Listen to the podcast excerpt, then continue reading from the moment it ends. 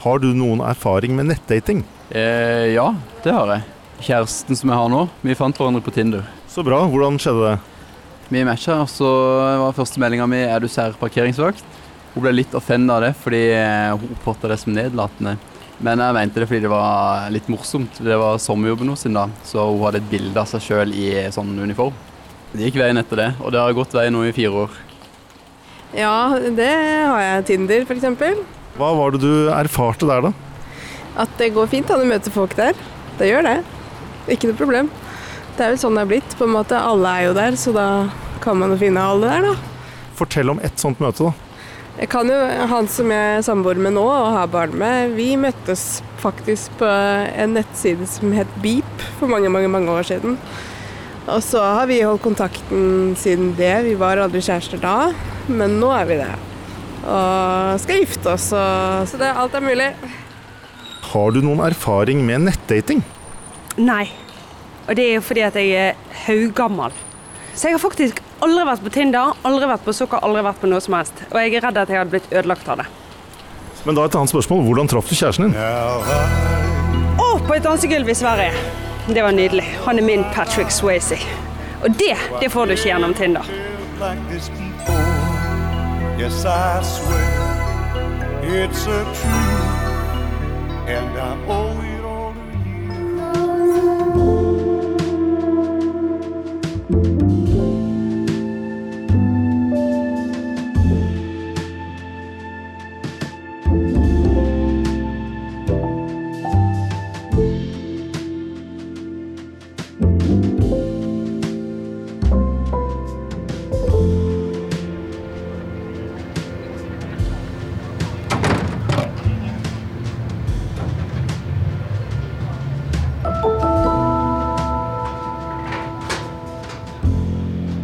Velkommen til en ny episode av Sampodden. Jeg heter Christian Kjelstrup og er redaktør i Samtiden, som er ute med et nytt nummer om kjærlighet. Og der skriver du en tekst, Monica Roland. Velkommen til studio. Tusen takk, Kristian. Veldig hyggelig å være her. Og du har skrevet om kjærlighet før. I 2017, tror jeg, disputerte du med en doktoravhandling som rett og slett heter What is love? eller Hva er kjærlighet? Hvorfor eh, valgte du å skrive om eh, det temaet? Ja, Godt spørsmål. Jeg skulle egentlig eh, skrive om et litt eh, annet tema. Fri eh, vilje.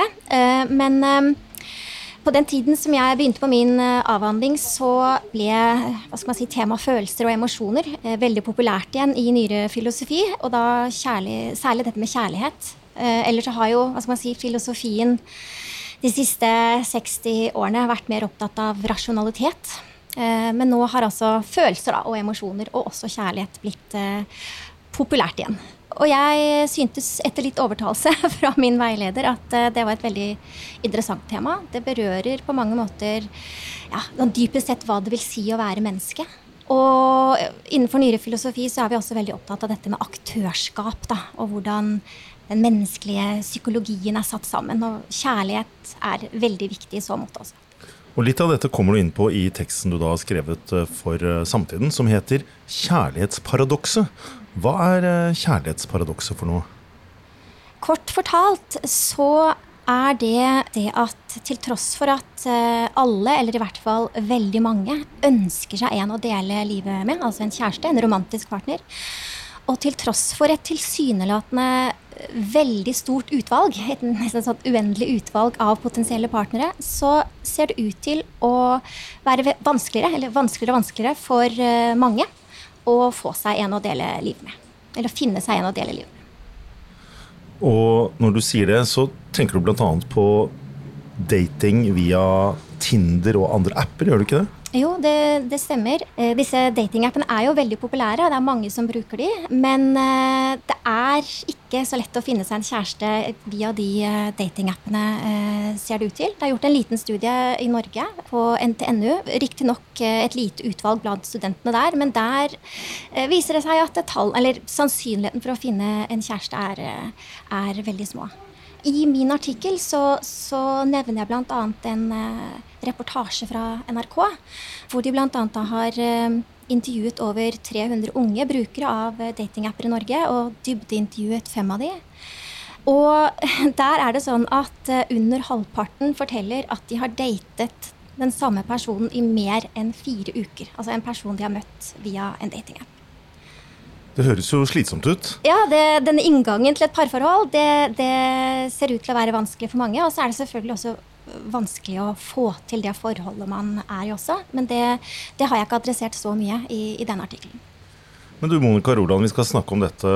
Hvilke på en måte kjærlighetsnormer er det som står på spill i vår tid? Da? For dette paradokset du beskriver, det, det, eh, det antyder jo at, eh, at, man står i en spagat da, mellom eh, den romantiske drømmen og så har du dette markedet eh, med alle muligheter. Men, men uh, først så kunne det vært interessant å, å, kartlegge hvor mange mennesker er det som, som befinner seg og baler med dette paradokset. da. Hvor mange er det som, som bruker disse appene, f.eks.? Vet du noe om det? Tinder de oppgir ikke egne tall for Norge. Eh, men ifølge da denne reportasjen hos NRK, så er det ca ja, 1,2 millioner nordmenn som bruker disse to appene. Eh, det er klart Mange bruker den, begge appene samtidig. Men eh, et tall på ca. 700 000 tenker jeg at uh, er ganske realistisk når det gjelder datingapper i Norge.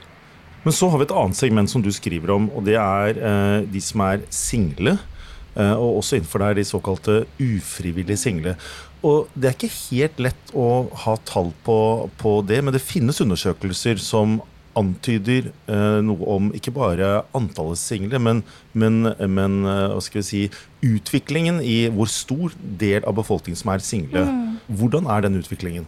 Ja, Det er som du sier, det er ikke gjort veldig mange studier eh, i, i, Vesten. Eh, men vi har noen tall fra USA som tyder på at det blir eh, en, større, en stadig større andel av befolkningen som er single.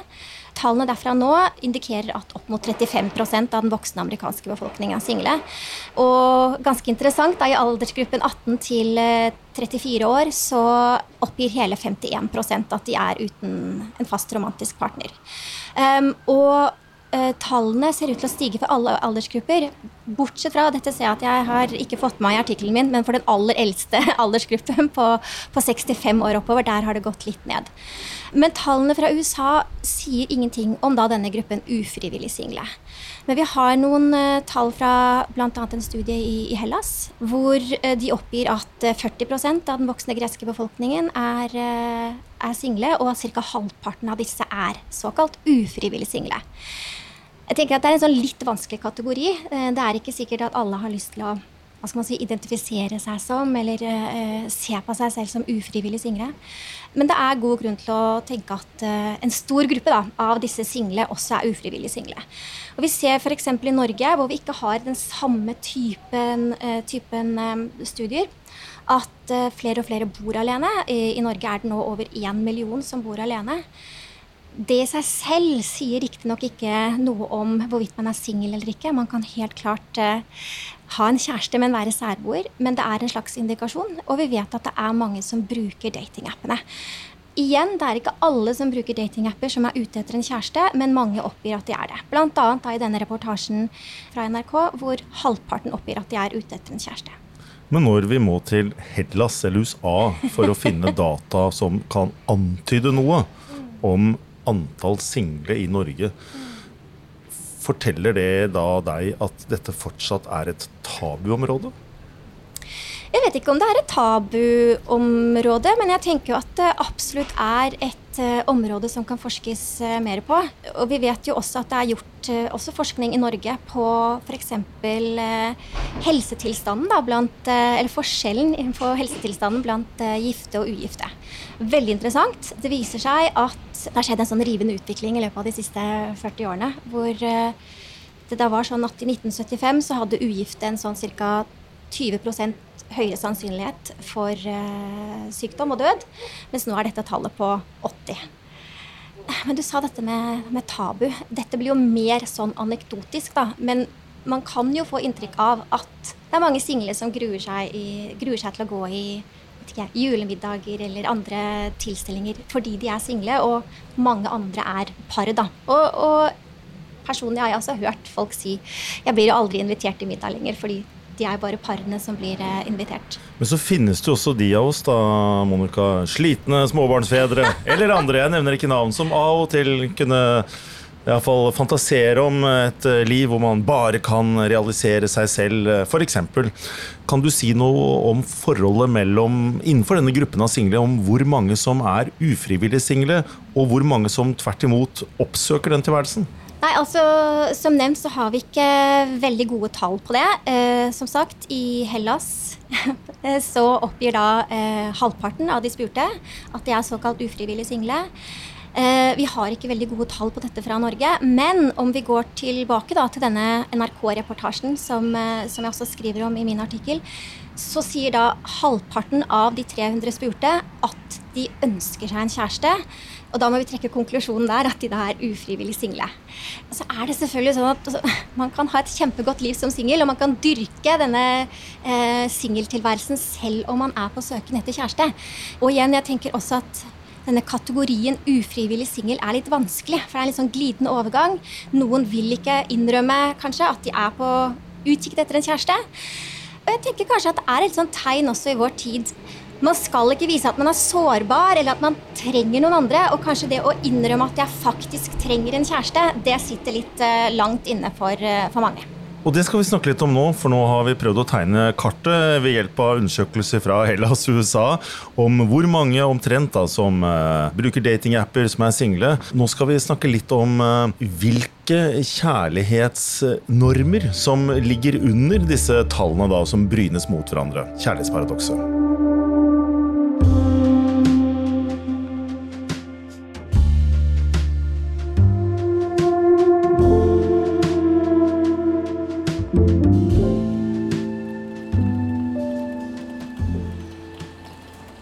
Hvordan traff du kjæresten din?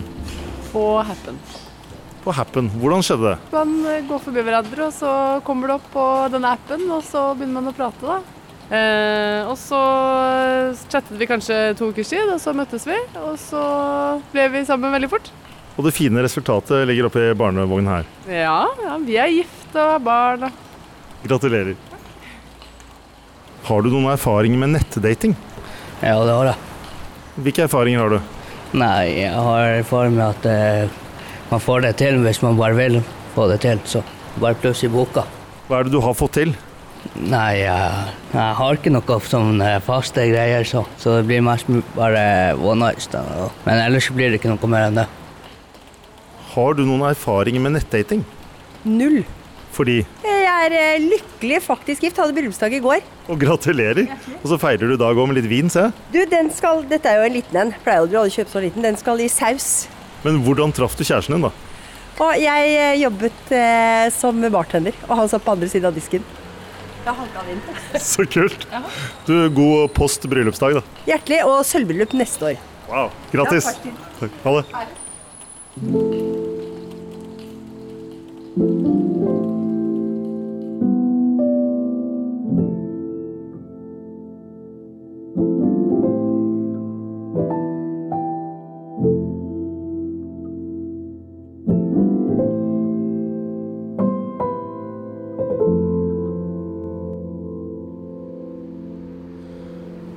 Monica Roland, du har skrevet teksten 'Kjærlighetsparadokset i samtiden'. Du snakker om da på den ene siden den romantiske drømmen om å finne den ene, og så har du markedet med havet av muligheter.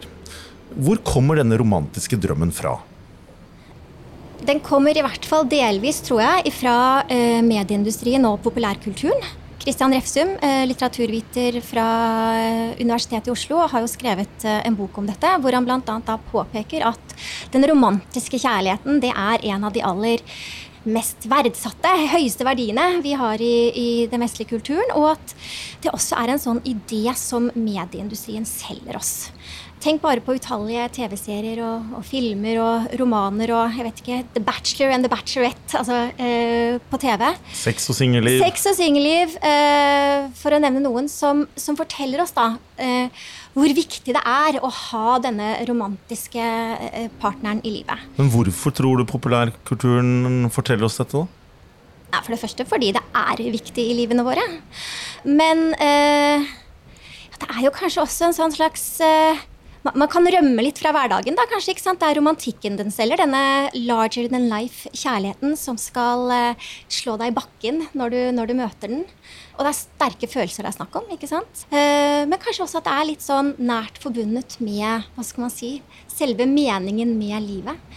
Så vil jeg også understreke at uh, dette behovet for å inngå i en sånn type relasjon, og denne lengselen etter den romantiske partneren, har ikke bare med kulturen vår å gjøre. Det er også sånn at vi hva skal man si, eh, fra evolusjonen da, er utviklet sånn at det å danne par, da, det er en viktig del av det å være menneske. Og er veldig viktig for eh, både individets og artens eh, overlevelse. Du nevnte meningen med livet. Mm. Du er filosof. og det jeg har lest av filosofi på universitetet, det handler jo veldig mye om å konstatere at tilværelsen nærmest er meningsløs. Mm. Men så sier altså Christian Refsum, som du siterte, og du selv skriver det, at eh, kjærligheten, den romantiske kjærligheten har overtatt eh, etter religionen som et, eh, noe som fyller livene våre med mening. Mm. Kan det ikke tenkes at noe annet kan fylle livet vårt med mening? da? Selvfølgelig kan det det. Uh, helt klart. Det å ha et eller annet meningsfullt prosjekt, enten det er jobb eller fritid, er viktig for oss alle. Og å inngå i nære relasjoner med andre som ikke trenger å være romantiske eller seksuelle som sådan. Nære vennskap godt forhold til uh, foreldre eller barn eller søsken er selvfølgelig også veldig viktig. Men det er nå engang sånn at eh, veldig mange lengter også etter den romantiske kjærligheten. Altså denne personen som er min, på en måte som kanskje ikke nære vennskap på samme vis da kan, kan oppfylle. Eh, og vi ser også på eh, visse grupper i samfunnet hvor viktig dette er. Eh, F.eks. incels, som veldig mange har hørt om. Ja, Hva er det? Ja, det er Veldig ofte så refereres det til enslige unge menn eh, som veldig ofte er jomfruer. De har aldri hatt sex med noen. Eh, og som eh, aldri har hatt en kjæreste, og som anser seg selv for si, genetisk underlegne da, eh, andre menn som har kjæreste. Eh, og som føler seg avvist av kvinner. Og det vi vet om disse mennene, er altså at de mangler eh, andre sosiale relasjoner. De er veldig sosialt isolert. Nå vil jeg si at det også er kvinner som har det på samme måte. De blir ofte kalt eh, femcells. Eh, men vi vet at de har eh, mye selvdestruktive tanker, føler seg verdiløse, sliter med helseproblemer osv. Men det du, det du snakker om, berører jo oss alle. Det berører oss alle. Veldig dypt menneskelig drømmen om den romantiske kjærligheten. Men hvis det er sånn at eh, den romantiske kjærligheten har overtatt religionens rolle, da, som mm. til dels er din eh, hypotese, mm. vil du da si at den romantiske kjærligheten også har fått noe religiøst over seg? Kan jo være, da. Kom litt an på hva du mener med religiøst. Men ja, eh, jeg tenker helt klart at vi tillegger den veldig mye mening. Og kanskje nettopp i et veldig sekularisert samfunn, sånn som Norge er, hvor færre og færre faktisk tror på en gud, og eventuelt den meningen han har, eh, har, for livet ditt, så tenker jeg at opplevelsen av at livet er meningsfullt, er viktig for oss. Og det å liksom bli dratt inn i verden gjennom nære relasjoner, kanskje særlig den romantiske relasjonen, det gir en følelse av eh, mening, av å høre til og også av verdi. ikke sant? Det er noen som har eh, sett deg i mylderet av alle de andre, og som synes eh, du er spesiell. Og ja, det gir en følelse av å ha kommet hjem, kanskje. Så er jo litt spennende at uh, livet en gang er organisert slik at man er nødt til å bare gå ut i verden og lete blant alle disse forbipasserende menneskene på gaten, og der et eller annet sted så er kanskje min kjæreste. Ja. Det er romantikken. Men så er den andre delen av paradokset, da at du sier at um, denne romantikken den skal finnes innenfor et marked. Mm. Et marked, enten det er på Tinder eller andre steder, hvor man tilbyr seg på markedets premisser. Det høres jo ikke veldig romantisk ut. Nei, det kan du si. Og jeg tenker jo at noe som dette markedet er et utslag av, utslag av da, det er jo denne andre friheten som vi også holder veldig høyt i vårt samfunn. ikke sant? Nå har vi nevnt den romantiske kjærligheten, men en annen verdi som vi holder minst like høyt, det er jo denne individets frihet. Og med det lovnaden om alle valgmulighetene som er der ute. Vi blir fortalt at vi kan bli hva vi vil, bare vi jobber hardt nok for det. Vi kan studere hva vi vil, vi kan reise hvor vi vil. og vi kan eh, bli sammen med hvem vi vil, eller i hvert fall velge selv hvem vi skal bli sammen med. Men hvis jeg går litt tilbake igjen til denne populærkulturen, hvis romantikk er sterke følelser, og at man skal uttrykke sterke følelser og gjøre veldig mye ut av kjærligheten, så synes jeg jo at vi ser den eh, i populærkulturen. ikke sant? Og kanskje også på sosiale medier. Vi skal flashe den romantiske kjærligheten. og den skal være veldig fin, og den skal være veldig perfekt. Og hvis det er eh, romantikken her, så kan vi i hvert fall si at romantikken synes godt i populærkulturen. Spørsmålet er hvordan passer den med det virkelige livet? Og det er klart at uh, Og hva er svaret på det?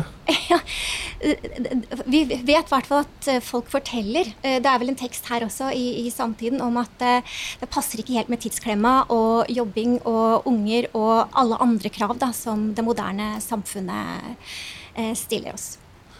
Du Monica Roland, Når vi sitter og diskuterer kjærlighetsparadokset, så er det jo litt i kontrast til tidligere tider.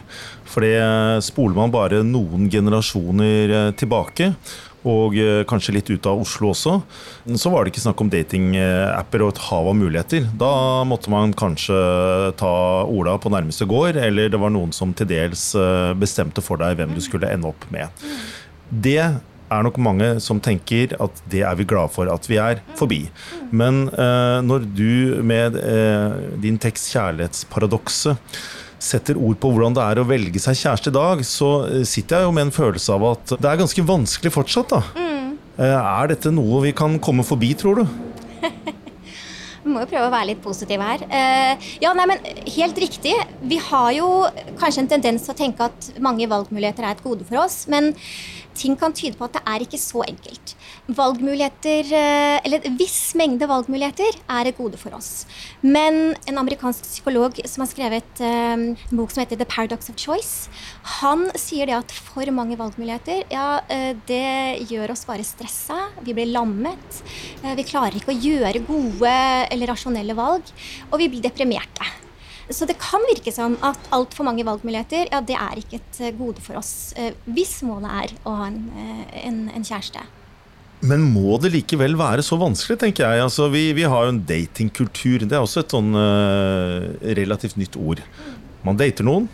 Det er hyggelig eller ikke hyggelig, og så går man på ny date. Og så fortsetter man slik. Men så vil jeg jo tro at det er sånn relativt sannsynlig da, etter 10 eller 15 eller 20 dater at uh, nå finner man en som man liksom har uh, en relativt god match med, og så slutter man å date. Hvorfor kan ikke det foregå sånn? Et godt spørsmål. Vet du hva, Nå fikk du meg til å tenke på en, eh, altså kjærlighet og matematikk. Fordi det er en, en uh, matematiker, Peter Backes, han regnet på Han bodde i London, bor i London.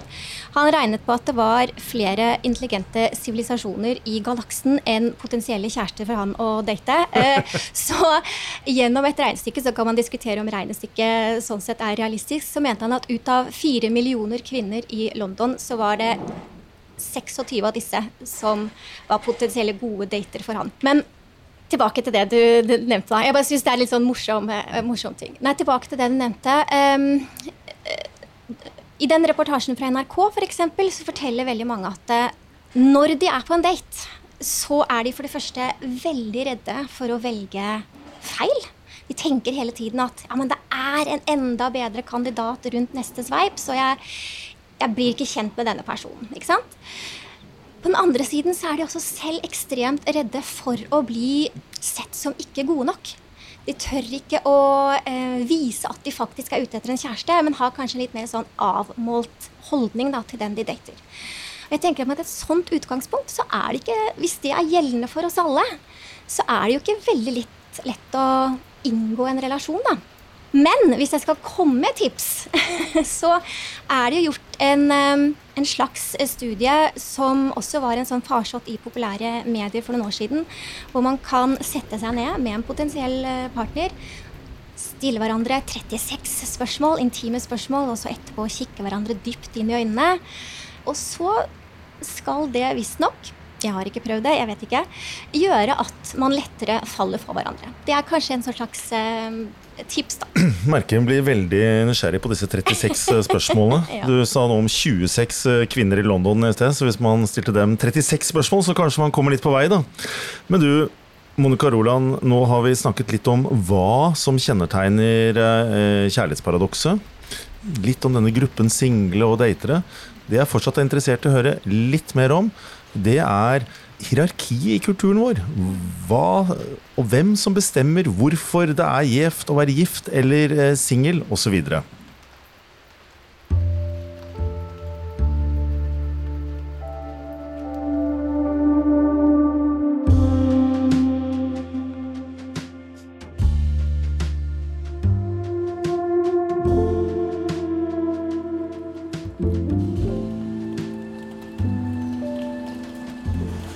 Unnskyld, jeg kom fra en podkast. Kan jeg stille deg et spørsmål? Det handler om kjærlighet. Okay, Spørsmålet er eh, har du noen erfaring med nettdating. Nei, fordi jeg gifta meg for 20 år siden, og da var det ikke noe. Så bra. da. Hvordan traff du kona di? På universitetet. Og hva skjedde da? Hun fulgte etter meg i noen måneder, så ga jeg etter, og så ble vi gift. Hvordan traff du kjæresten din? På skole. Universitet. Det bare satt ved siden av hverandre, eller hva skjedde? Nei, det, ja, det var vel sakte, men sikkert gjennom noen studier. Og du er resultatet av dette, eller? ja, det håper jeg da virkelig. Har du noen kjæreste, eller? Eh, nei, det har jeg ikke. Hvordan vil du gå fram for å finne en kjæreste? Um, um, usikker? Uh, ja, jeg vet ikke. Jeg vet ikke. Nettdating, er det noe du ville prøvd? Mm, jeg er ikke så glad i å møte fyrer over nettet. Eh, Jeg ville helst se de personlig. Snakke med dem eh, på ekte. Ja. Har du noen erfaring med nettdating? Eh, ikke noe bortsett fra Tinder. Hva skjedde med deg der, da? Fikk meg kjæreste, og vi er fortsatt kjærester. Så bra. Og hvordan, hvordan gikk du frem? Eh, nei, bare helt eh, vanlig være seg selv-prat. Og finne en naturlig tone sammen, som gikk veldig fint. Har du noen erfaring med nettdating? Ikke så veldig, altså. Ikke så veldig. Lite grann kanskje, men eh, ikke noe sånn spesielt mye. Men, Men hva var det du erfarte da? man møter mye forskjellige mennesker som eh, ikke nødvendigvis har en match. Så har folk som utgir seg for å være noe annet enn de egentlig er. Så det er egentlig min erfaring, egentlig.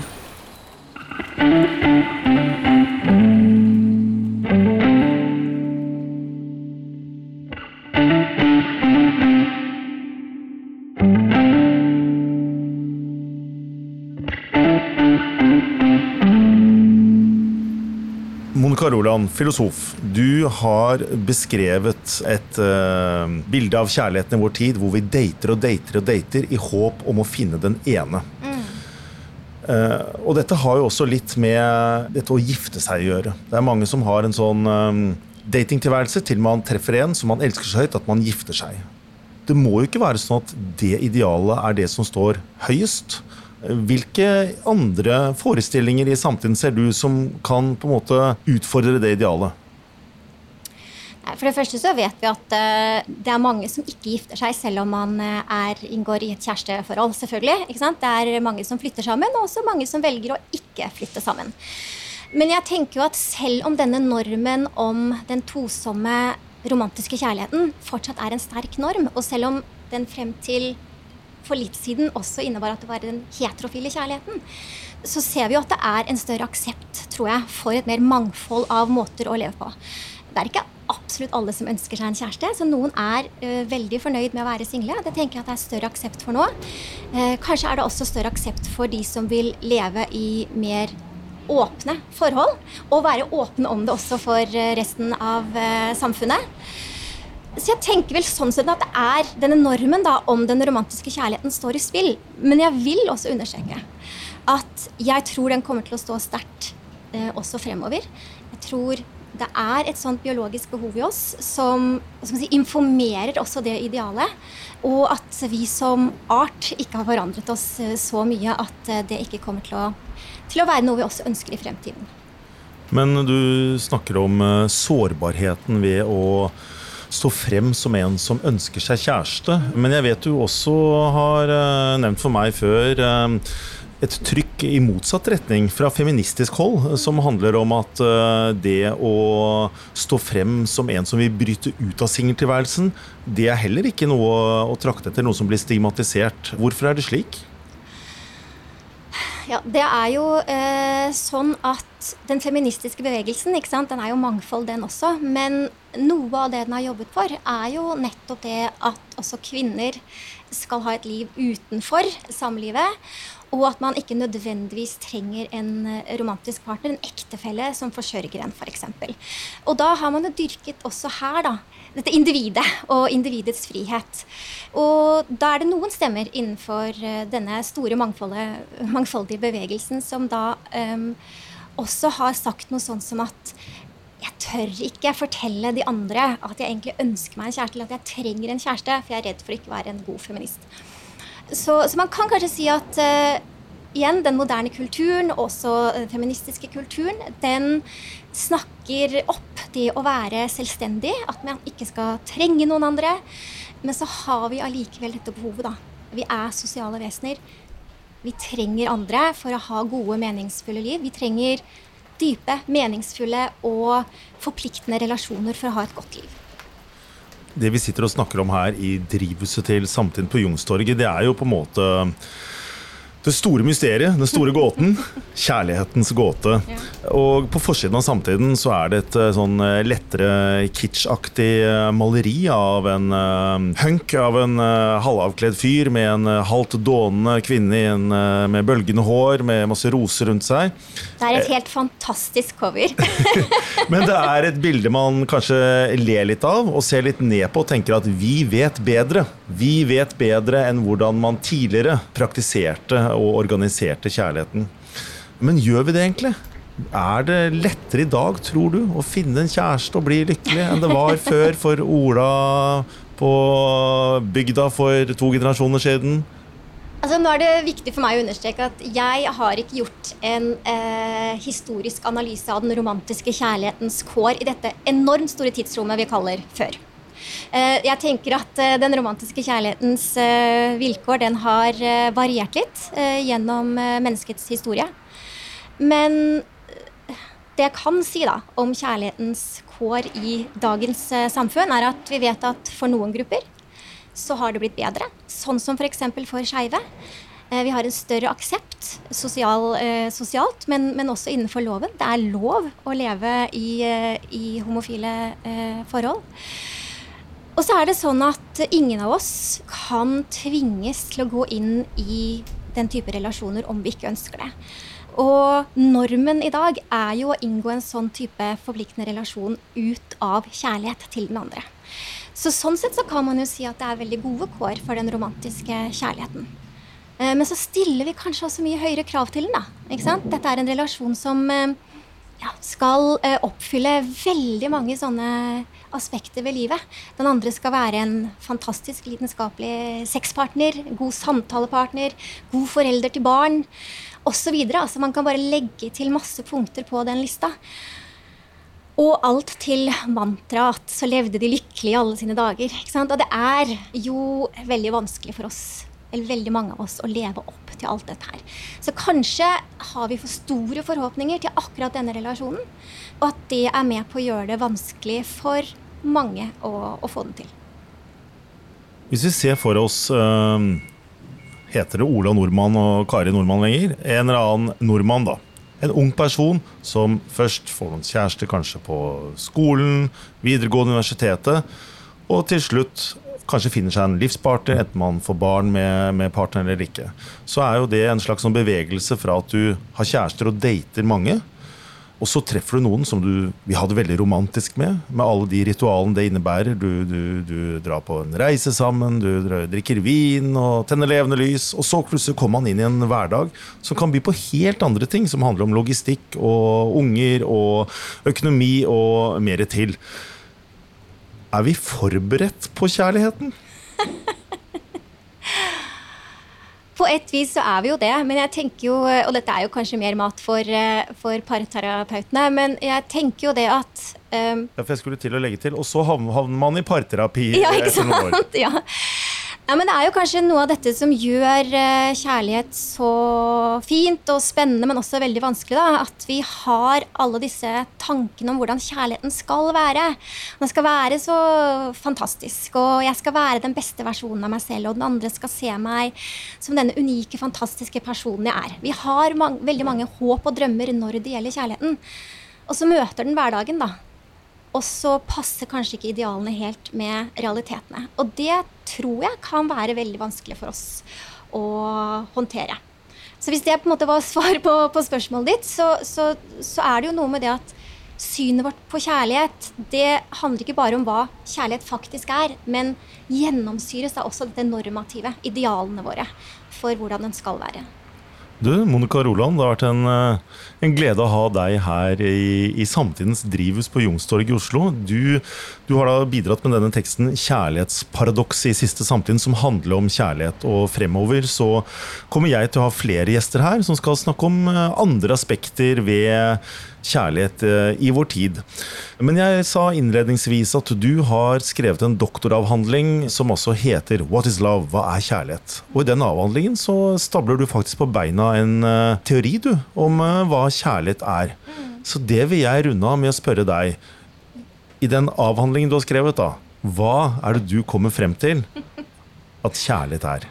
Jeg skal prøve å gjøre det veldig kort. fordi jeg vil jo bare si at uh, jeg har kommet frem til mer enn bare liksom én sånn fin uh, one-liner. Men uh, en av hovedtesene mine da, som jeg argumenterer for, det er at det er en nær forbindelse mellom kjærlighet og moral. Og kjærlighet er en moralsk emosjon. Du kan ikke elske noen uten å også respektere dem. Da kan du som har lyttet til Sampodden, ta med deg det rådet videre i ditt uh, kjærlighetsliv. Tusen takk til deg, Monica Roland. Christian Kjelstrup uh, heter jeg. Jeg er redaktør i Samtiden, og vi skal fortsette å snakke om kjærlighet i nye episoder av Sampodden. Og en liten forsmak på hvem du kan møte neste gang, det får du høre her. Hei! Mitt navn er Tyra Theodora Tronstad, og i årets tredje utgave av Samtiden har jeg skrevet om klitoris. Du vet, det organet som er over 10 cm langt, og som har fire bein som strekker seg i ulike retninger. At klitoris er så stor og ser slik ut, det visste ikke jeg før jeg var langt over 40, og ikke vennene mine heller. Og hva det kan bety, har jeg skrevet om i Samtiden.